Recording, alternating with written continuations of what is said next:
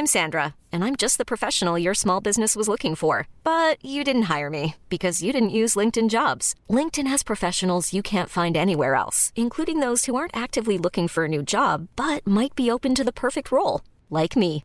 In a given month, over 70% of LinkedIn users don't visit other leading job sites. So if you're not looking on LinkedIn, you'll miss out on great candidates like Sandra. Start hiring professionals like a professional. Post your free job on linkedin.com/achieve today.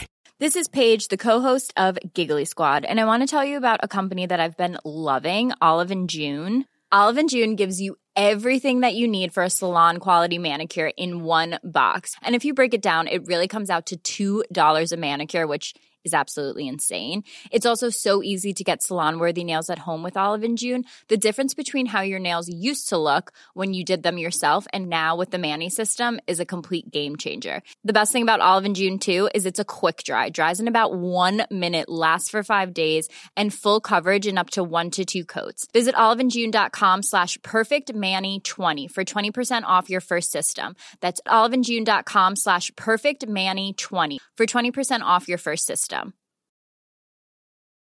Millions of people have lost weight with personalized plans from Noom, like Evan, who can't stand salads and still lost 50 pounds. Salads, generally, for most people, are the easy button, right? For me, that wasn't an option. I never really was a salad guy. That's just not who I am. But Noom worked for me.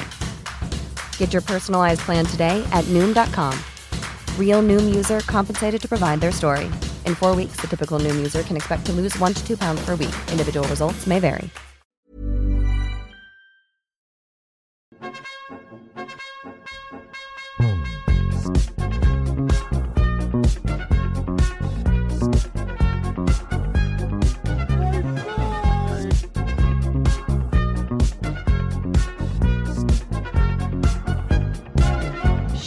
Tjena mugglare och välkomna till den prisbelönta podden Harrypodden med mig Sebastian From och dig Happy Hagman som ännu en gång i livesändning äter en eh, Bertibotts böna. i alla dess olika smaker. Men Mm. vad trevligt. Eh, hur är läget med dig? Du sitter med mössa inomhus, det gör jag också.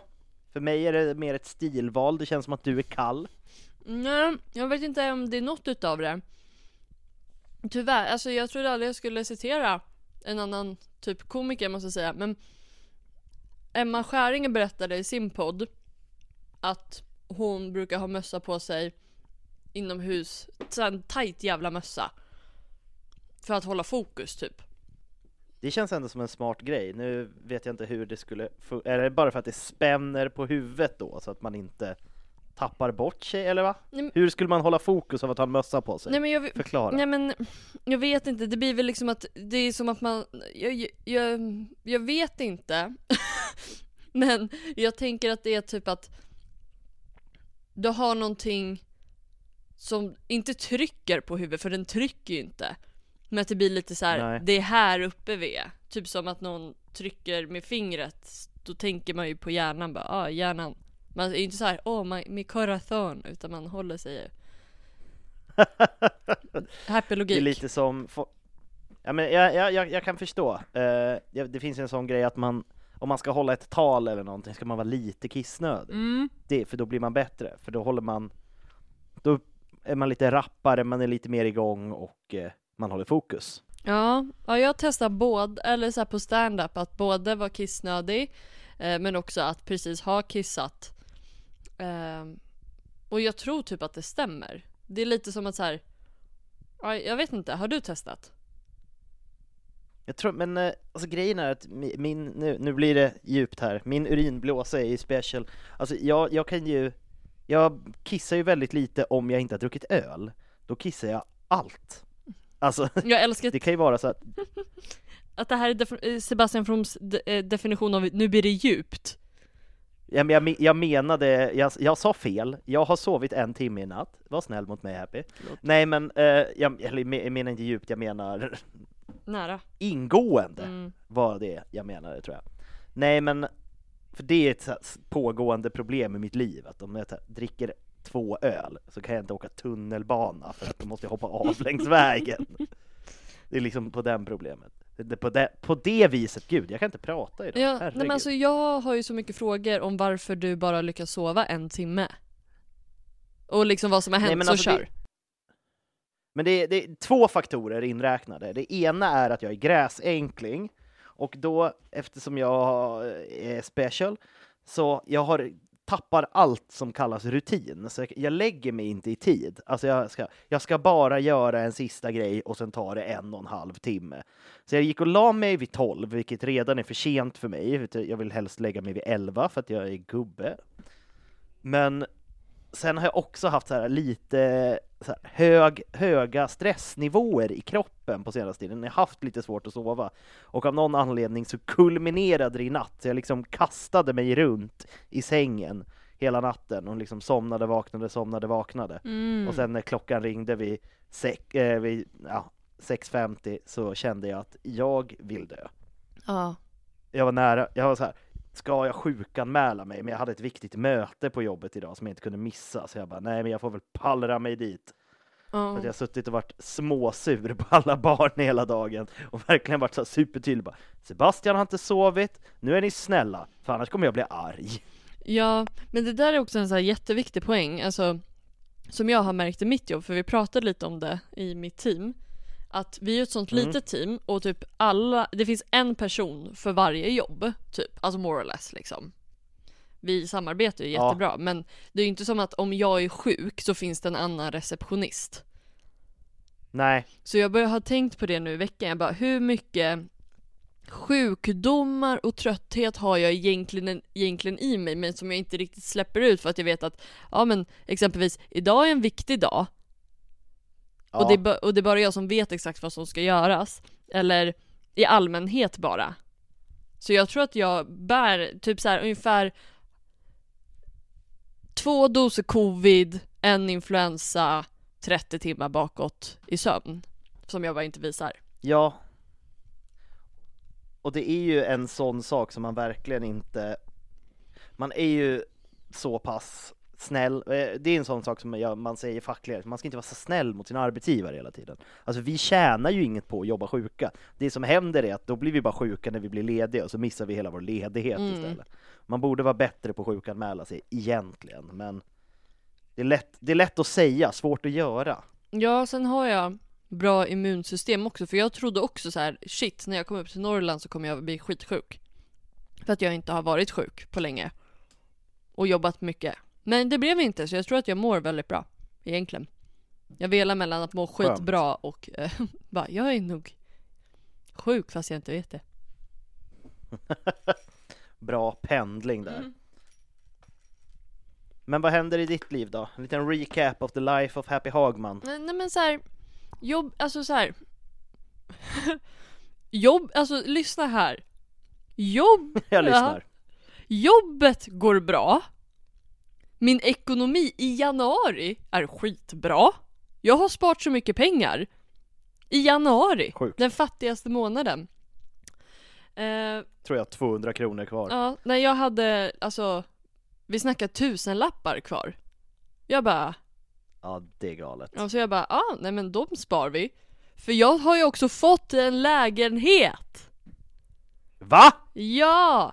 Bredängs happy is no more. Vad blir det för Happy Hagman då? Bandhagen.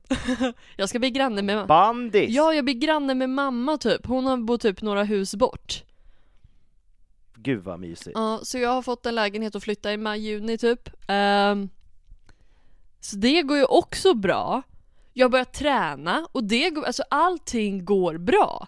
Alltså jag är ju fortfarande, Fan vad nice. Ja, jag ligger fortfarande lite minus på min bad bitch som jag jobbar på som vi pratade om i förra avsnittet, att jag ska vara en bad bitch. Men att jag blir bad bitch tills jag behöver vara en bad bitch, då blir jag bara osäker igen.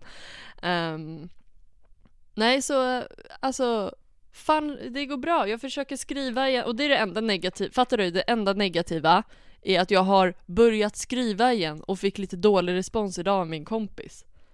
Och jag håller inte ens med henne. Ja, det är inte så värst. Nej. Och jag bara, so? Jag är fett nöjd. Ja, men det låter bra. Det låter som att det rullar på för Happy. Ja. Ja, det gör det. Det kommer vända snart, det är lugnt, jag kommer må dåligt igen. Ni kan sitta lugna. Undrar om det finns folk där ute som är, är bara så här, fan Happy var roligare när hon var ledsen. Jag tror det är 110% Det tror jag absolut. Nu sitter jag här liksom mössa och säger bara bra saker. Ja, gud. Men jag, jag, jag har haft en lite så destruktiv teori, att det var, så här, det var en period när jag typ inte sov, giggade jättemycket och så här, drack en öl för mycket, eh, typ när jag giggade. Och det gick så jävla bra! Alltså varje gig rev jag på och jag bara så här. Jaha, så att jag måste vara så här, stå och trippa framför den så kallade väggen för att vara på topp. Ja men alltså förlåt men samma, alltså jag hade en period när jag festade jättemycket eh, Giggade jättemycket, jobbade jättemycket Och du vet så här, jag var ju så jävla Alltså och hybrisen var på topp också, jag var ju så här. Men alltså snälla någon Alltså jag behöver inte skicka in någon video till Raw De kommer höra av sig till mig med en video och säga snälla kom och kör Alltså jag var Men då mådde jag ju inte bra Nej. Men, lite på samma spår innan vi går in på dagens ämne. Eh, jag har, på tal om så här, folk som, mår, som är så här, fan Happy var roligare när hon var deppig. Tror du att det finns människor där ute som vill att du ska vara deppig? Alltså att du tror typ så här, hate, att du har några haters? Alltså, det finns ju säkert någon, men alltså jag, jag kan in, inte på rak arm sådär, jag kommer inte på någon som bara Fan vad jag ogillar, jag, jag tror att folk kan tycka jag är lite oskön eller jobbig, men jag tror ingen riktigt hatar mig. Jag har inte gjort så grova grejer i mitt liv, vad jag vet, jag, det kanske finns en Facebook, en hemlig Facebookgrupp, så alla vi som vill se Sebastian From död. Det vet jag inte, men eh, känsla, det tror jag inte. Ja. Du då? Ja men jag börjar tänka på det där. Och jag tror ändå att så här, antingen så vill man mig väl eller så bryr man sig inte. Alltså typ att jag inte märks. Eh, vilket jag också är fine med. Men jag tror, eller så här logiskt sett, inte för att jag, jag tänker inte så om någon. Jag kan tänka så här. Ja men vad, vad gör du nu för någonting? Eller så här, jag tror inte att, eller att man är så här, ja det där tror inte jag kommer gå bra. Fast inte så här med Jag någon förstår. negativ värdering.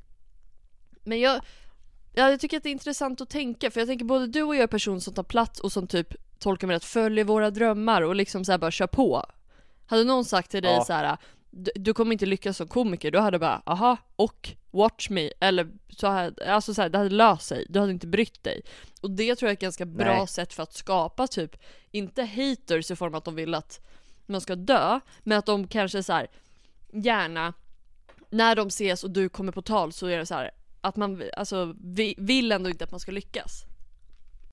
Ja, Men det, det finns det så här, men alltså för, för man tänker själv, som jag nämnde lite i första avsnittet, att här, det är svårt att inte vara lite missunnsam i den här branschen ibland. Mm. Förstår du vad jag menar? Mm. Att ibland tänker man bara så ah, fick den där där, jag är fan bättre än den, Mm. lite så.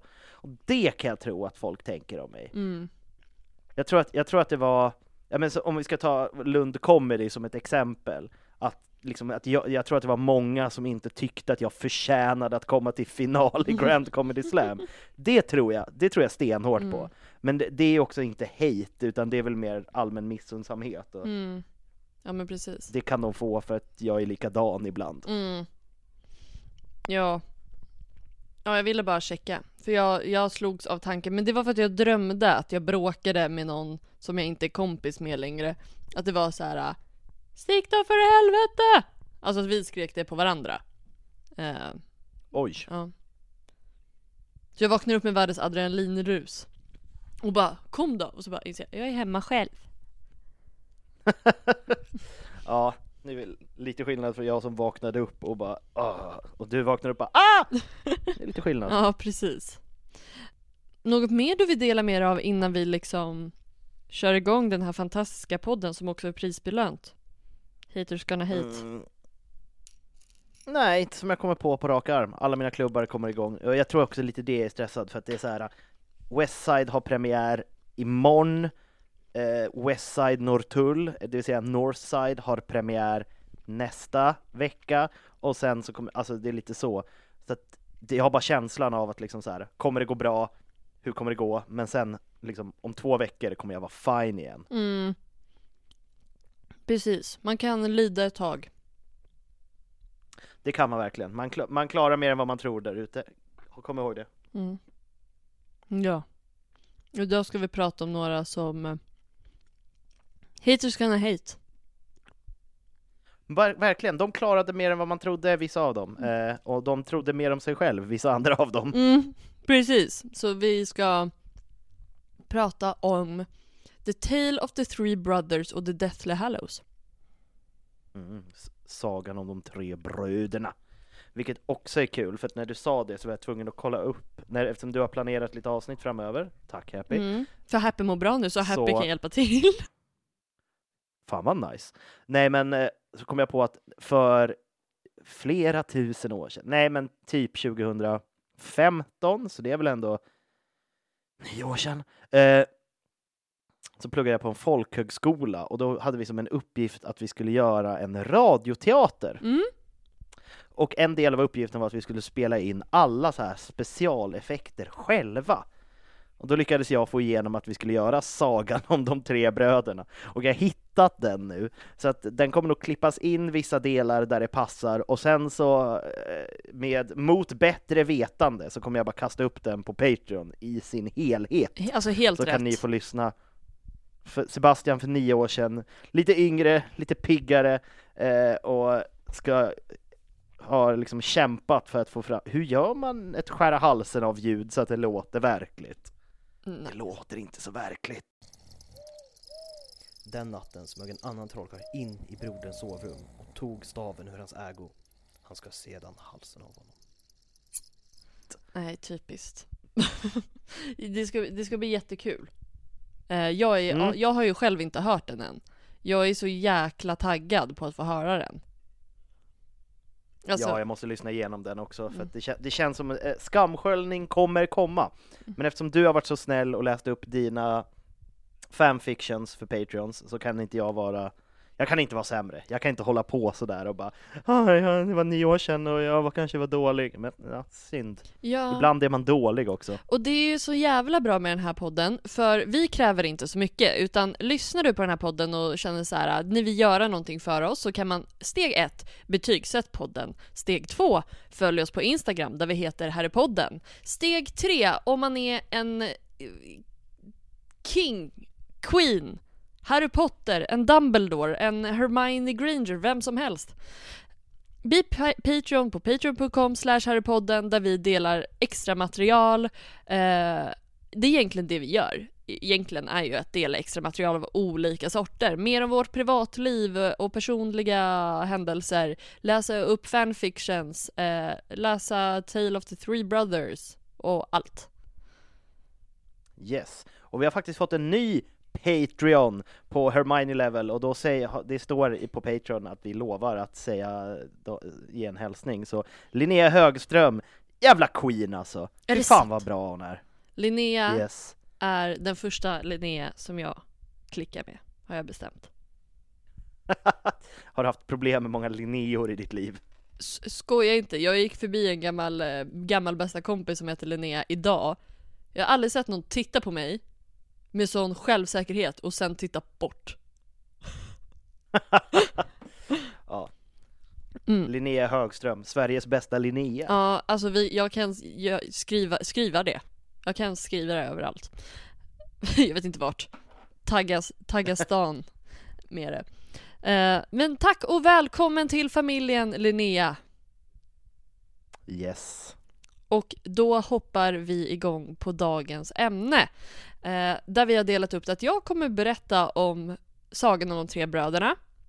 Eh, och eh, lite, har, lite om The Deathly Hallows och du ska ju prata om bröderna. Ja, bröderna i sig och deras historia.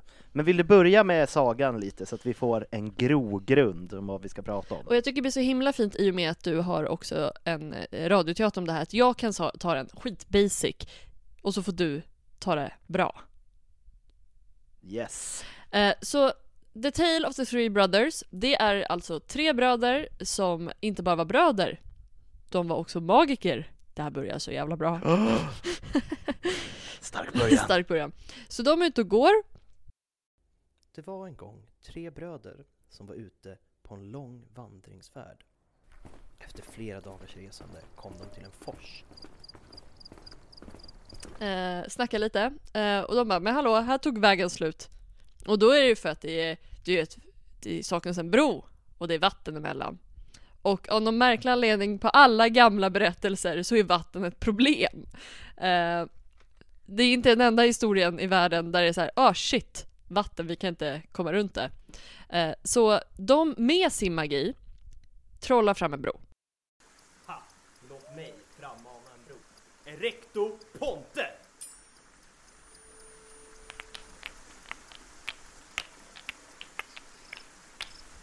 Och det här Som man gör. Som man gör. Eh, så då kommer döden och är så här, hallå, ni skulle ju dö men nu dör ni inte för ni har ju räddat er själva. Så då känner sig ju döden lurad. Eh, men döden är också smart, för döden är här då en person eller ett väsen. Och säger, i och med att ni har överlistat mig så får ni varsin gåva vad ni vill. Tänk fritt, tänk utanför boxen. Så då kommer den första brodern som heter vadå Sebastian? Han heter så mycket som Antiochia. Exakt. Och jag har dyslexi så jag behöver inte Det- läsa dem. Jag får dyslexi av hans namn. De andra är helt okej, men jag förstår inte riktigt. Men jag har, som jag alltid är med, lite etymologi om varför de heter som de gör. Men jag kommer till sen. Ja, perfekt. Och han bara, ja jag vill bli den kraftigaste, mäktigaste trollkaren som finns. Så döden skapar the elder wand. Fläderstaven. Fläderstaven från ett träd som stod vid flodbanken. Ja, du, du, du, det är inte ens ditt uppdrag att läsa det, men du gör det så mycket bättre än vad jag gör redan. Ehm, så han får den, och det är då den mäktigaste trollstaven som finns. Han bara, brorsan bara, nice, nice. Ehm, och jag känner så här, man fattar typen. Han som bara, åh jag vill vara mäktigast i världen. Ehm, så då kommer bror nummer två, mellanbarnet, som heter Kadmus. Också typiskt mellanbarn att vara så här deppig. Han bara åh min, eh, min eh, kvinna är död så jag eh, vill eh, tvinga tillbaka henne. Eh, så då får han en liten liten sten från havets botten. Eh, som blir då eh, the resurrection stone. Mm. Så han ska hem och eh, gråtrunka lite medan hans eh, döda fru helt plötsligt bara Vad fan är jag tillbaka i köket? Det är en gammal berättelse så det var Det här var på 1200-talet, då var kvinnan i köket. Ja exakt. Ehm, Och sen då kommer den tredje brodern och bara Fan de har ju tagit alla bra idéer. Ehm, Så han bara ja men jag vill undgå döden. Jag vill vara osynlig för döden. Så då så klär döden av sig lite genom att skära bort en bit utav sin cloak, alltså sin mantel och det blir då osynlighetsmanteln, så så länge han har på sig den så kan inte döden hitta honom. Och sen eftersom, eh, så, så de promenerar vidare, väldigt nice ut att gå helt plötsligt. Jag älskar att gå hem med nya presenter. Alltså typ som man har shoppat på stan och får komma hem och boa in sig med det nya man har köpt. Det gör ju de här tre. Så den äldsta brodern går ju direkt ut på stan och bara Alltså min trollstav hörni. Jag är kingen. Och såklart som kaxiga män som vill ha makt så blir han ju överförfriskad och eh, han skryter som bara den om sin trollstav. Han bara ingen kan vinna över mig och ingen vinner över honom för han har ju mäktigaste trollstaven. Men skam den som skryter för som alltid så betyder det att folk vill ha det mäktigaste som han har. Så någon som jag inte kommer ihåg vad personen heter, jag kommer inte ens ihåg om de säger namnet på personen. Nej, det gör de inte. Det- Eller jag vet att det finns, jag kan ta fram det namnet eh, på den personen. Ge mig en sekund, för jag kom på att jag faktiskt har det. Ooh. Eh, det är bara väldigt långt ner i, mint, i mina anteckningar. Går det bra Sebbe? Här, ge mig en sekund. personen i fråga som tog den var, hette Emmerich. Ah, Emmerich Kingen, mannen, myten, legenden. Emmerich the Evil kallas han för. Nej, nej, nej, det är personen efter. Så den person, nej det finns inget namn på personen, förlåt jag ljög, men personen efter är Emmerich the Evil och sen eh, fortsätter det, fortsätter det, fortsätter det. Jätte, jättelångt. ja. Eh, men hur som haver. Så han blir dödad och för att kunna ta över the elder wand då, då så kan man inte bara sno den hur som helst. För den har en rätt ägt, ägt, ägande människa eller rätt ägt, ägd med ägare. Gud vad inte jag kan prata. Eh, men ni förstår vad jag menar. Och det är att man antingen måste disarm eller väldigt typ brutalt döda personen. Ja. Eh, så han blir mördad i sömnen och då vandrar den här vidare. För det här är en enda av de tre som inte följer liksom släktträdet ner. Nej. För sen är det bror nummer två då, då. Och han kommer hem och hans fru är där och han bara yay, kul, välkommen tillbaka. Och hon bara jag vill inte vara här.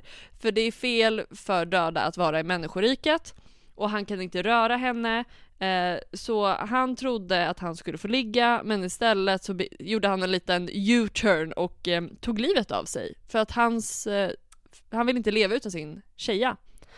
Eh, så då fick ju då döden första brodern och sen andra brodern. Och den tredje brodern, han eh, som har någonting innanför pannbenet, han eh, har sin osynlighetsmantel hela tiden. Och det slutar ju med att han har gömt sig för döden hela livet, blivit gammal och möter sen döden som en vän. Bam, bam, bam. Så både The Resurrection Stone och osynlighetsmanteln följer sen då Peverell-släktet ner. Men där eh, osynlighetsmanteln, jag tror att inte de fick några söner, så det var döttrarna som tog över, så det var en dotter som gifte sig med en Potter och då följde en Potter-länga ner. Eh, Yes. och sen The Resurrection Stone hamnar ju i The Gaunt Family via släkten ner. Och Yes box. och jag tänkte att du skulle få prata lite om eh, brorsorna så kan vi komma tillbaka lite på både de tre artefakterna ehm, Mm. och övriga konspirationsteorier och tankar. Verkligen. Alltså, eh, så, tyvärr så finns det inte jättemycket om bröderna förutom eh, sagan, men jag har försökt hitta det som det lilla som finns. Och därför har jag också kastat in lite, för de levde ju på 1200-talet. Och bara för att man ska sätta settingen av vad trollkarlsvärlden var då, så att efter jag gått igenom det lilla som finns utöver sagan, så kommer jag också gå igenom lite andra saker som hände i trollkarlsvärlden på 1200-talet. Fylla ut ett avsnitt. Exakt. Nej, men precis som du sa där, att eh, om man, man pratar om hela Peverell-familjen så blev ju den utrotad in the male line för att den första brorsan, han fick inga barn. Och de andra två fick döttrar. Och det berättar eh, Hermione faktiskt. Det är 1998 när hon har läst, na- läst Nature's Nobility, A Wizard's Genealogy. Men som sagt, bröderna föddes någon gång på 1200-talet. Eh, det är ytterst otydligt när, vilka år. Eh, det är väl sista brodern som jag ska hitta nu. Att eh, han, eller man vet bara när han dog och han dog ungefär 12, nu hittade, tappade jag bort det. 1283 eh, ungefär. Eh, den andra brodern och första brodern, de dog ju ganska kort efter de hade mött döden. Eller som Dumbledore faktiskt tror. För att han, för det som bevisas är ju att det, det här är ju inte en saga, det här finns på riktigt. Men att det är ju en legend. Så att Dumbledore och många andra trollkarlar tror då att hela den här saken med att de träffade döden, det är fejk. Det är bara att de var tre jäkligt mäktiga trollkarlar och skapade de här artefakterna själva. Så att eh, den första brodern då, Antiochia, ber om ursäkt för att jag slaktar ditt namn, precis som du ville slakta folk. han var en väldigt mäktig stridsmästare och då också antagligen väldigt duktig på wand lore. Så att han eh, lyckades skapa en mäktig trollstav. Eh, den andra brodern Cadmus, han var väldigt bra på liksom, vad blir det då? Transfiguration, nej inte trans, eh, trollformler. Att han kunde förtrolla en sten och ge den krafter. Och den sista brodern var också väldigt bra på trollformler för att han kunde skapa en osynlighetsmantel. Och som du gick igenom, den första brorsan, han fick sin trollstav. Han eh, reste till en by för att besegra en av sina fiender. Han besegrade honom. Och sen som killar gör går han in på en krog och bara haha, ingen kan ta mig. Kom då, kom då. Han vann några dueller. Sen så fäste han till och de skar halsen av honom. Mm. Och sen blev han av med den. Och trollstaven vandrade då i flera led längre och längre ner tills den kom till Dumbledore. Ja, för man kan väl säga där också att den, den färdas ju inte genom släkt, vilket makes sense också för att det handlar om du, Ja. du alltså duellera, det betyder att du måste vara en gammal gubbe och så vill du ge den till din, till ditt barn. Det är så här, kan du slå ur den här ur min hand tack? Yes. Och alla tre bröder, så det här kommer jag nämna, de eh, begravdes tillsammans. Så att de första två bröderna begravdes först och sen den sista när han faktiskt dog av ålder på Parish Church of St. Clementine i Godric's Hollow. Och alla tre bröder är ju då avlägset släkt med Tom Riddle och Harry Potter eftersom båda ja, som vi sa, de andra två artefakterna har ju ärvts ner. Och som sagt, den andra brodern, han tog stenen, åkte hem, fick fram sin tjeja, blev ledsen, tog livet av sig. Och sen så, ha, innan då, antagligen innan frun dog, så hade de fått en dotter och hon ärvde då stenen när mamma och pappa var döda. Och någon gång mellan 1200 och Cool fact a crocodile can't stick out its tongue. Also, you can get health insurance for a month or just under a year in some states. United Healthcare short term insurance plans, underwritten by Golden Rule Insurance Company, offer flexible, budget friendly coverage for you. Learn more at uh1.com. There's never been a faster or easier way to start your weight loss journey than with PlushCare. PlushCare accepts most insurance plans and gives you online access to board-certified physicians who can prescribe FDA-approved weight loss medications like Wigovi and Zepbound for those who qualify. Take charge of your health and speak with a board-certified physician about a weight loss plan that's right for you. Get started today at plushcare.com slash weight loss. That's plushcare.com slash weight loss. plushcare.com slash weight loss. Eh, 1900-talet så satte man in det här i en ring. Mm. För det var då Gant-familjen fick den. Eh, en av de troligaste teorierna är att eh, hans fru dog under förlossningen. Mm. Och den sista brodern då. Han fick ju sin fina, fina mantel. Och sen så gav han vidare den till sin son när han dog. Och välkomnade döden som en vän. Nej men det var, det var en tanke apropå det. För han, I historien så har han ju på sig manteln hela tiden Mm. för att eh, döden inte ska hitta honom. Hur fick han barn? Hur träffade han dem? Förhoppningsvis får man hoppas att han hade barn innan, men det måste också vara jättetråkigt. För att säg att bröderna är i 25 till 30 års åldern och säg att han dör, trollkarlar blir gamla va? Mm. Tänk om han dör vid 120. Mm. Då har han liksom gått runt 90 år och varit osynlig. Ja, men jag tänker också där att så här, att vilket jag fattar att du fattar, att det är också typ symboliskt, lite mer typ som Harry använder den, att så här, när man befinner sig i farliga situationer där man kan tänkas dö. För, anna, alltså för de andra bröderna dör ju, hur ska man säga, en, inte en naturlig död, men de dör ju inte för att döden bestämmer eller för att döden tar dem, utan för att de tar död på sig själva via sina artefakter. Verkligen. Men han fick ju då en son som han gav manteln till och sonen fick en till, fick en dotter. Så det fanns faktiskt en till eh, Peverell eh, efter dem. Mm. Men han sonen, som inte är namngedd, fick en dotter som hette, nu tappade jag, Ioltha, Mm. Iolthe, Mm. svårt att uttala, som gifte sig med en Hardwin Potter, Mm. en tidig Potterättling. Han, och han, han blev inte alls så gammal, han levde bara till 76 år, det var i 1200-talet så det var ju gammalt då. Och han dog 19 maj 1292 Mm. på i, i Godric's Hollow. Han, gick liksom, han gjorde som en katt, han gick hem och dog. och som sagt, eh, barnbarnet gifte sig med Hardwood, Hardwood en trollkarl från 1100-talet. Så därför tror man att den här historien utspelar sig lite tidigare. Mm. Eh, för om man kollar på Harry Potter-leden, för att eh, det är ju erkänt att eh, själv, he, he, Beadle the Bard tog lite eh, härliga konstnärliga friheter i skrivandet av historien. Till exempel så antyds det ganska tydligt att Cadmus, den andra brodern, inte har några barn. Mm. Men hur skulle då han kunna vara ättling till Gant-familjen, Mm. till exempel? Mm. Och det sa ju inte jag, men eh, Beadle the Bard är ju den som har skrivit självaste berättelsen. Yes.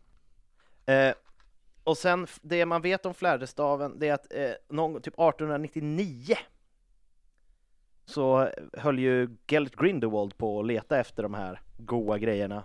Och då besökte han sin gammelfaster, Bathilda Bagshot, Mhm. i Godric's Hollow.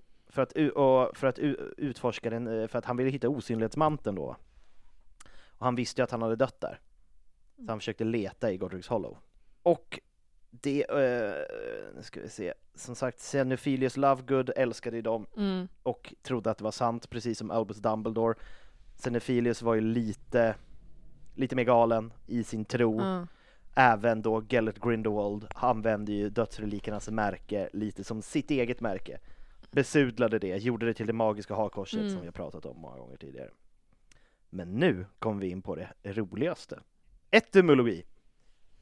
Antikos, som antikotia, eh, användes av flera kungar under det grekiska riket. För det fanns även en stad eh, som eh, var väldigt viktig som hette Antikoia, Mm. som eh, var ett tidigt kristet centrum. Mm.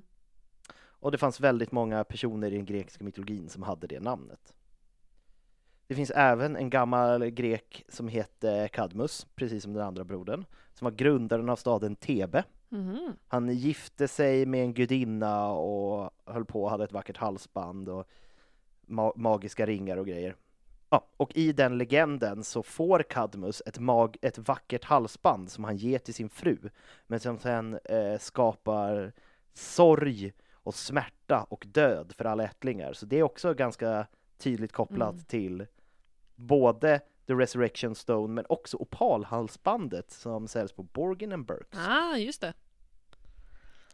Och eh, Cadmus i grekisk mytologi skapade också liv genom att så draktänder i jorden, så det är jäkligt magiskt. Så det var ju också någonting, skapa liv från ingenting. Och den sista brodern, Ignatius, det kommer ju från Ignatia, som betyder okänd, Jaha. för att han var ju osynlig. Ja, varför inte? Och det finns väldigt många, finns väldigt många eh, exempel på legender. Eh, Ignatius av Antiochios funderingar om döden kunde koppla Ignatius etymologiska ursprung. Eh, och eh, som sagt, det är väldigt mycket kopplat till hans härliga osynlighet. Mm. Eh, Ignatius kan också användas i latinet som ett förlåt. Mhm. Eh, så det, det kan också betyda konstig. Man kan vara allt på en och samma gång. eller, o, eller obekant. Mm. Men det var det jag hade om bröderna. Mm. Men vad hände då under det härliga 1200-talet som de levde på? Det var ganska, det hände ganska mycket under 1200-talet. Om vi börjar direkt. Holyhead Harpies skapas 1203 Ja! och Bridget Wenlock föds. Och hon var den första trollkaren och hon var så, hon höll på med aritmansi, Mm. magisk matte. Och hon var den första som upptäckte att siffran 7 är magisk. Också kopplat till lite korokruxer och spännande grejer. verkligen. Och eh, The Black Family Tapestry börjar på 1200-talet. Vad menas med det? Alltså den här stora eh, tygväggen Ja! där de har hela sitt familjeträd längst tillbaka är på 1200-talet. Ah, coolt. Och eh, det är på den här tiden som quidditch förstörs och blir konstigt, för det är då the golden snidget, den gyllene fågeln som sen blir the golden snitch, introduceras. Mhm. Vi har pratat om det flera gånger, att eh, quidditch hade varit en fantastisk sport om inte the golden snitch hade funnits. Även kvinnan som skapade flampulver, Ignatia Wildsmith, föddes 1227. Mycket som händer. Mm. Den, äl- den äldsta kända trollkaren, Barry Winkle, föddes 1236 och dog någon gång 1990. Han blev alltså 755 år. Utan osynlighetsmantel. Ja, helt galet. Eh, en av de tidigare, en av de tidigare försöken till att skapa någon typ av magiskt samarbete, The International Warlocks Convention, hölls 1289. Och eh, på 1290-talet så skapas både The Kenmare Kestrels, ett annat quidditch-lag, Pride of Portree, 19, 1292, och 1294 var den första Triwizard Tournament. Ooh, det måste Det vara var bra, kaos. bra, ja, bra sport århundrade ändå. Ja, verkligen. Hände mycket inom sporten, Man måste röra på sig mer. eller hur? Det var då de insåg att de här unga trollkarlarna, de sitter bara hemma med sina trollstavar, de måste ut och röra sig mer. Ja. Men det var det jag hade för de tre bröderna. ja, och då vill jag hoppa tillbaka igen då. då. Ehm, för det finns fortfarande saker att prata om. För om det är någonting som är väldigt intressant, för vi har ju koll på liksom, ehm, om vi börjar med osynlighetsmanteln, så var det ju så Ja, För då kanske man, speciellt om man bara sett filmerna, kanske man undrar, men hur fick Harry osynlighetsmanteln? Och det är så att den var ju James Potters, eftersom den följde med hela eh, linjen ner på släkten Potter. Ehm, och sen så hade Dumbledore redan The Elder Wand som jag kommer att prata om snart. Och han kände så här: Mm. jävlar vilken bra mantel du har James Potter. Eh, jag börjar tro att eh, dödsrelikerna finns. Så han ville ta en tipp för det var den bästa och det var, så, den var så välgjord, den här osynlighetsmanteln. Så han skulle egentligen bara låna den och ta en liten titt. In... men också som de nämner i sista boken att det, det finns ju andra osynlighetsmantlar, men de, det är så här bara en vanlig mantel med en typ disillusion, disillusion, disillusion en trollformel som gör en osynlig. Jag ber om ursäkt för att jag fick en stroke där och inte kan säga disillusion. Jag försöker, nej jag, ska, jag slutar försöka. Sluta försök. En Ja. yes. Men att de slutar ju verka efter ett tag. Mm. Till exempel eh, trillingarna, tvi, trillingar, gud vad jag är trött. Tvillingarna utvecklar ju hattar Mm. som gör en osynlig. Ja. Eller gör bara huvudet osynligt. Och, eh, men de slutar ju fungera efter ett tag, det nämns ju. Och det är väl just det som Dumbledore fattar, bara vänta, om den här har varit nedärvd, liksom en vanlig osynlighetsmantel kanske funkar i sex månader, men här är en som liksom har ärvts generationer. Mm. Det känns lite konstigt. Ja men precis, så han lånade den och så bara Åh nej, James han dög när jag kunde lämna tillbaka den. Åh ja, jag sparar den ett tag till då. För innan han eh, lämnar tillbaka den så hinner James dö. Så han har kvar osynlighetsmanteln för Harry existerar ju. Eh, och men Harry är så ung. Så därför får Harry den sen när han börjar skolan. Mm. Och Dumbledore ger ju bort den anonymt. Och här tänker jag på många saker. För den, alltså man, så här. Det finns absolut drag hos Dumbledore av att så här, jag vill ha alla tre. Både av intresse Ja. och övrigt. Alltså han, men han ger också bort den och det tycker jag ändå är fint, för han gör ju det för att han vill att den ska fortsätta i familjen Potter. Men det är lite som vi har pratat om innan, att så här, Dumbledore är god, men han är, det kan ju också vara så att han är god för att han inte kan vara ondast. Lite det vi pratar om när vi pratar om Grindelwald. Eh, Mm. och lite, han ger bort det anonymt, jag funderar också på, det kan ju också vara ett sätt för att slippa frågor.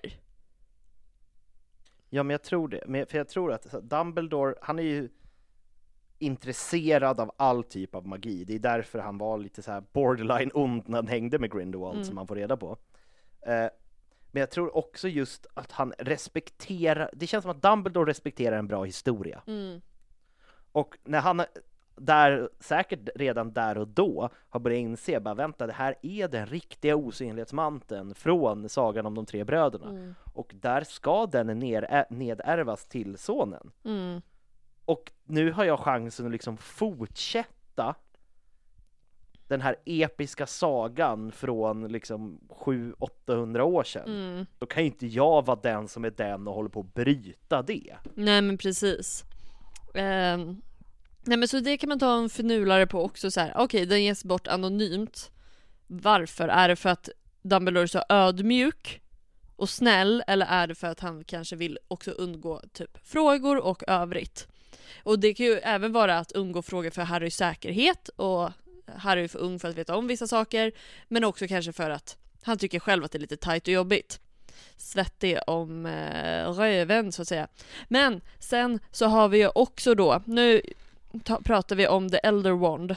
För den byts ju då när man, när man brutalt mördar eller eh, disarm personen som har The Elder Wand. Och det här är många steg här så följ med, jag gör så gott jag kan. För jag håller det också i huvudet. Mm. Den andra eh, trollstavsmakaren som heter Gregorovic. Gregorovic, ja, men hörde du att jag kunde själv?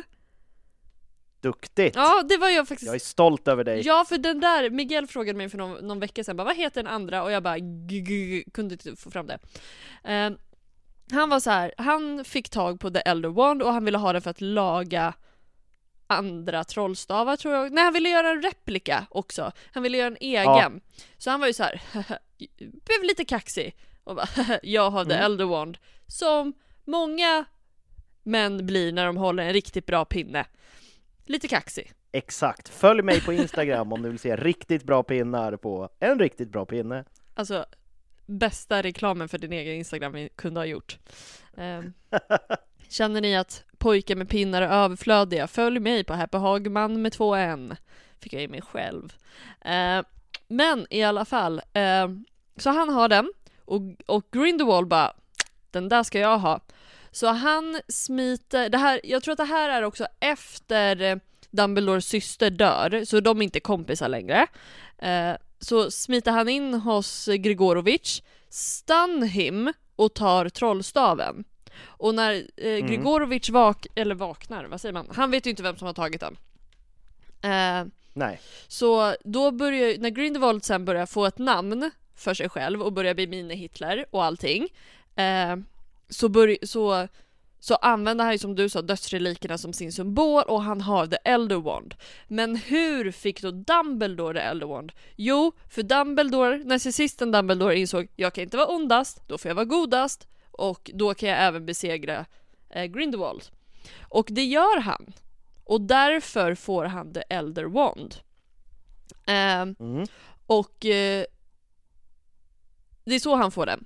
Men sen, där Voldemort tar lite fel, är ju att man måste inte döda personen för att få The Elder Wand.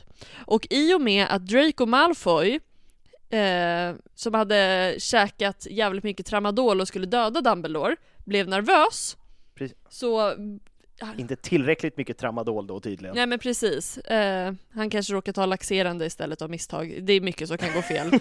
eh, så disarmar han Dumbledore och därav blir Draco Malfoy den som är, får The Elder Wand. Jag är så glad att Draco inte fick reda på det här för det hade blivit kaos om han hade fått The Elder Wand. Alltså även i längden, även om han inte skulle bli mega ond så skulle han typ ändå bli ond. Även efter kriget. Det hade inte blivit bra. Nej, han hade ju blivit den nya... han hade blivit den nya Voldemort. Oh ja. Direkt. Eh, precis. Och Astoria hade blivit nya Narcissa. Väldigt fint. Uh. Men, nej, Bellatrix menar jag. Hade blivit nya Bellatrix, babymamma. Eh, Mm. Men, sen listar ju Dumbledore ut, nej han listar inte alls ut det. Men han tror att det är Snape för att Snape har dödat Dumbledore och det stämmer inte. Men, när de är på Malfoy Manor, när de flyr och Dobby dör, så disarmar Harry Draco. Och det här listar Harry ut mycket senare. Och då väljer Harry att ta sönder The Elder Wand efter kriget. Eh, Nej. I filmen gör han det. I böckerna reparerar han sin egen trollstav och sen behåller han den för att han tänker att ingen annan, om jag har den och inte går runt och skriker om Mm. det så kommer ingen eh, disarma mig. Ja men tack. Min poäng med det hela i alla fall. Eh, tack Sebbe. Jag flög in på film. Eh, poängen som jag ville komma fram till är, nu vill ju inte han skryta om att han har den. Men fattar du vilken jäkla business om han kunde bara öppna en affär och bara vi lagar trollstavar. För det är obviously ett problem i trollkarlsvärlden. Och den kan laga alla trollstavar. Han skulle ju sätta Olivander i konkurs. Ja, och det är det jag menar. Liksom, han hade världens så här, men det märks att Harry har ju inte en entreprenörhjärna. Eh, Nej, men det som hände däremellan, en liten, liten stund i den förbjudna, eller en, en, ja, ja, inte prompt i den förbjudna skogen, men eh, Harry besitter alla tre. Och det, yes. han, för han har osedesmanteln, han har trollstaven och han har eh, the resurrection stone. Och det vissa tror är att han inte dör när Voldemort för att han har alla tre. Men det stämmer inte och det har vi redan pratat om i podden. Att det handlar om att eh, förba- eller förbannelsen, hans mammas kärlekstrollformel fortfarande lever kvar fastän han har fyllt 17 år och flyttat hem från Petunia, för det är också relevant. Ehm, och det är ju för att Voldemort har ju tagit Harrys blod och därav så lever eh, eh, mammans kärleksformel vidare. Yes. Så det har ingenting med eh, de här tre dödsrelikerna att göra. Och det han sedan gör med, d- eh, så det han har kvar, the, the Elder One kommer inte fortsätta något mer. Han vill, nu tar vi stopp på det här. Eh, Osynlighetsmanteln behåller han såklart. Men The Resurrection Stone släpper han ner på marken i, i eh, den förbjudna skogen. Och den blir sedan nedtrampad i mark av kentaurer. Ja, Så den är också så här, den, den finns säkert. Det är också så här om de skulle göra någon uppföljare på någonting. Skitkul att så här, legenden har liksom typ dött ut lite. Och så någon som bara plockar upp den där. Ehm, ja alla tre finns ju, i, bök, i bokvärlden finns ju alla tre kvar. ja. Och, det, det, det här, och det, då kan man ju diskutera så här. okej varför valde de i filmen att ta sönder den? Och jag tänker att det är bara för att det är lättare att symbol, alltså symboliken till att så här, jag vill inte att den ska finnas kvar. För det är också lite så här, eftersom filmen sen Alltså de måste visa det lite på ett annat sätt. För hade de, han bara sagt bara Jag ska behålla den här men jag tänker gömma den och inte använda den. Det blir inte lika kraftfullt som att nu tar vi slut på det här. Nej, precis. Nej, men- en sak som jag tycker är dum med hela den där grejen, det är just att Harry, hur, för att, hur fan fungerar det? För att Harry disarmar ju Ma- Malfoy, Mm. men Malfoy har ju sin egen trollstav då. Ja, men det... Och jag, alltså jag tycker, jag, alltså jag fattar att det är så magin fungerar, men jag tycker den är dum. För att då kan ju till exempel om Harrys plan, Harrys plan är att ha den och liksom aldrig eh, liksom Mm. ge den vidare. Men alltså hans lilla, om Albus Potter bara vill retas med sin pappa och bara Expelliarmus som du alltid brukar säga pappa. Eh, och sen så blir han mästare av The Elder Wand. Eller vem som helst kan ju bli det hur lätt som helst. Ja, och det, jag störde mig på liknande saker, men det jag störde mig mer på är snarare att ja men det funkar också om du dödar personen grovt. Alltså du behöver, alltså han behöver inte ens hålla, Hur dödar man någon ogrovt? ja men precis, ja och liksom så här, det, jag tycker att det är bättre när det är så här. Ja men det är bara om du disarmar eller det är bara om du dödar Eller både och men personen håller alltid trollstaven i handen Alltså någonting av att du har vunnit den Men då är det liksom Om någon grovt mördar Harry Eller bara disarmar Mm. Eh, För jag tycker det känns fel och fegt Att jag ska kunna eh, Alltså komma med en kniv och hugga dig och sen har jag fått en trollstav Ja, men man kan ju också bara så smygdisarma någon. Alltså tänk dig om, om du står och snickesnackar med någon och har trollstaven i handen och jag liksom icke-verbal magi är ju en grej och bara här smygpekar min trollstav. Jag får reda på var Harry har gömt den. Mm. Och sen så bara, okej. Så ser jag Harry Potter vara ute och gå, han har sin trollstav i handen och sen så gömmer jag mig, jag gör någon disillusion en osynlighetsformel på mig själv, jag kan fortfarande inte uttala ordet och sen så viskar jag Expelliarmus, så tappar han sin trollstav. Den var inte så stark, men han tappar sin trollstav. Mm. Sin vanliga då. Han är disarmed, då är den min. Då kan jag bara gå och hämta den så kan jag bli den nya Voldemort.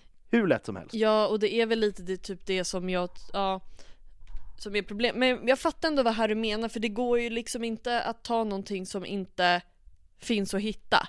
Alltså jag gissar ju, jag tycker att det är därför jag gillar också att han kastar den i filmen. Alltså inte Ja. just för att det blir så här, ingen kommer hitta den där. Sen tycker jag att det är, alla vet att slaget vid Hogwarts, alltså det kommer ju vara med på Bins historielektioner i framtiden. Ja, Så det är också så här om det är någonstans man ska leta så är det ju runt omkring Hogwarts. Så det är ju problematiskt, men just att han kastar bort det, det här, det finns ingenting att hitta. Så du kan disarma mig Nej. och någon disarmar dig, men det, du vet ju inte var du ska leta. nej, det är ju det. Men, Ja, men, det. men fatta kaoset när Harry dör. Vi säger att barnen är utflygna i huset och eh, Ginny och han är gamla och så dör de. Och så hittar man den. Alltså det är ju inte som att, det här är ju bara problem som är löst under Harrys tid. Nej, för det är väl det, när han dör, om ingen har tagit den så förlorar den sin kraft. Det är ju det som är grejen. Ja, jo det är sant. Men ändå. För alla kommer inte tro på det, för folk trodde inte ens på storyn innan, alltså berättelsen. De bara, det är bara en berättelse. Och sen hittar man den, och det är ju bevisat typ att den funkar, eller liksom man bara, ja ah, men det där ser ut som den där. Och så kommer någon och säger, ja ah, men den funkar inte för Harry är död. Det kommer fortfarande finnas de som tror att den funkar. Ja, och, men det, det som kommer hända, det är väl det som lite händer i film, att den börjar ju spricka när Voldemort försöker använda den. Det är väl att någon skön kille hittar den och bara kolla vad jag har! Expelliarmus så sprängs den i handen så är det bara stoff kvar eller något. Ja men precis, och det är också viktigt att nämna, den anledningen att Voldemort inte kan använda den, det är för att staven inte kan vändas mot personen som äger den. Ehm, Nej. Precis, och det var liksom, jag tror inte jag har glömt någonting, jag har ändå haft väldigt mycket i huvudet. Men, eh, och sen Osynlighetsmanteln och, och allt det där. Eh, så det är de tre. Och har jag missat något? Jag tror inte det. Nej, inte jag heller faktiskt. Nej.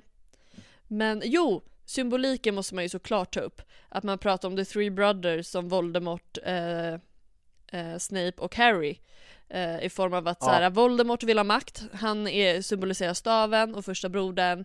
Ehm, Snape vill eh, tvinga tillbaka Lily till människoriket för att han är en stalker och obsessed med henne. Eh, så han är ju andra brodern och Harry och det, det, det är den delen jag gillar mest, att Harry är den sista brodern. För det handlar inte om att Harry vill leva för alltid. Det handlar om att Harry vill bara fucking vara i fred och leva ett vanligt liv. Ja, det ju- och inte åka till Det är skolan. 90% av böckerna, att han vill bara, så här, varför måste alla vara på mig hela tiden? Ja, mina föräldrar dog, ja, ja, finns en profetia, men låt mig vara. Ja, och han vill ju bara inte utsättas för döden medan han gör det typ från att han är ett år gammal så är han ju bara nära på att dö typ hela tiden. Ja. Men jag gillar ju också den, den har jag ju tagit upp tidigare, men att det är de tre bröderna. För att om man går in på teorin att det är de tre bröderna som har skapat dem, att de inte fick dem av döden, Mm. då är de ju antagligen mäktiga, mäktiga jävla trollkarlar, alla tre. Men att det är de som skapar de oförlåtliga förbannelserna också. Mm, ja, för det är också i tre. Ja, och att eh, den första brodern då skapar the killing curse, Mm. för det är den mäktigaste och bara instadöda någon. Eh, den andra brodern som har blivit utsatt för sånt lidande med hans eh, frugas bortgång skapar då tortyrförbannelsen the cruciatus curse Mm. för att kunna ge andra den smärta han känner själv och den tredje brodern som bara vill gömma sig vad är det bästa sättet att gömma sig på? Jo, kontrollera andra, så han skapar the Imperius Curse. Ja det är den sista brodern som är svårast för jag tänkte också på, för jag håller med dig, för min första tanke var att andra brodern var Crucio eh, och sen slogs jag tanken bara, men han tvingar på något sätt tillbaka den döda. Ja. Att den funkar ju även på imperioförbannelsen. Eh, men eh, den sista, jag fattar vad du menar att så här, han kontrollerar ju döden genom att vara osynlig. Precis. Eh, men den är också väldigt bra. Ehm. Mm. Jag tror inte Men eh, ska vi kalla det där ett eh, avsnitt kanske? Vi kallar det där ett avsnitt. Eh, båda vi är ju mitt uppe i väldigt mycket. Eh, så du behöver sova. Eh, Jag ska också sova. Jag ska äta Mm. pasta och ketchup. Eller med ketchup. Och så ska jag sova. Det tycker jag låter bra. Jag tror att jag, jag har matlåda så att jag tror att jag ska unna mig typ en Foodora eller någonting. Kanske en pizza. Nämen. Sitta nu, som du, se- som du ser på bakgrunden är den annorlunda för vi har möblerat om här hemma lite så vi har ett skrivbord i hallen så att jag har ett litet kontor jag kan sitta och podda och klippa vid nu Mm. och Tove kan sitta och jobba vid. Så att eh, när jag mest suttit här och spelat dataspel. Ja, nice. Nice, nice, nice. Åh, jag har en kaosdag imorgon, så önskar mig lycka till. Jag önskar dig lycka till. Jag har nog också det. Eh, eller det är Westside premiär. Mm. Så att jag ska MC slutsålt och Ahmed Bäran kommer och kommer bli fett. Och nästa vecka, kära lyssnare, så har vi premiär för Northside. Eh, guld jäkla line-up. Jag är MC på premiären, så kom jättegärna förbi. Det kostar bara 60 spänn, det är fan inga pengar. Det ligger typ vid Odenplan. Eh, jättemysigt och Larrys. Kom förbi, ta en öl, häng, se massa roliga komiker. Mm. Och följer man dig på Instagram så kommer man ju se när du lägger upp saker. Så följ en riktig, jag säger det igen, följ en riktigt bra pinne på Instagram så kommer ni till Sebbe. Följ Happy Hagman eh, om ni vill se när jag spelar quiz. Det är typ det jag gör. Ja, jag såg det igår. Mm. Hur gick det? Det gick bra. Jag var, jag blev imponerad av mig själv och så blev jag sur för att de ställde så många geografifrågor. Eh, men jag var bra annars. Du ska ju med mig, det är ett av mina starkaste ämnen. Ja men vi får köra någon gång, jag är sugen på att dra dit emellanåt. Men det, vi, vi får lösa det, någon liten quiz night. Och som sagt, vi behöver ju bara två Patreons till för att vi ska komma upp till den magiska 20. Och då kommer vi ses med våra partners och spela Cards Against Muggles. Kanske till och med ta ett glas vin. Och så kommer vi sätta upp en liten kamera som bara filmar det, den, det. Och sen så laddar vi upp det för Patreons. Kanske blir det liksom två och en halv timme långt när vi sitter och dricker vin och tjötar och snackar könsord. Och Hermiones kön och Rons kön kommer säkert nämnas. Eh, allas kön tror jag nämns. Och ja, Märkligt. allt sånt. Alltså så himla märklig pitch. Bli patte så får ni höra oss säga allas kön. Ja, men det är det. Vi försöker ju hålla nere på liksom the adult content eftersom vi vet att vi har många underåriga lyssnare. Men eh, bakom den så kallade betalväggen, där har vi inga hämningar. Nej, där, där är det kaos. Men eh, med de orden så har jag varit Happy Hagman och du har varit Sebastian From, och vi har varit Harrypodden. Puss och hej! Puss och hej! Hey, it's Paige DeSorbo from Giggly Squad. High quality fashion without the price tag. Say hello to Quince. I'm snagging high-end essentials like cozy cashmere sweaters, sleek leather jackets, fine jewelry, and so much more. With Quince being 50 to 80% less than similar brands. And they partner with factories that prioritize safe, ethical, and responsible manufacturing. I love that. Luxury quality within reach. Go to quince.com slash style to get free shipping and 365 day returns on your next order. Quince.com slash style.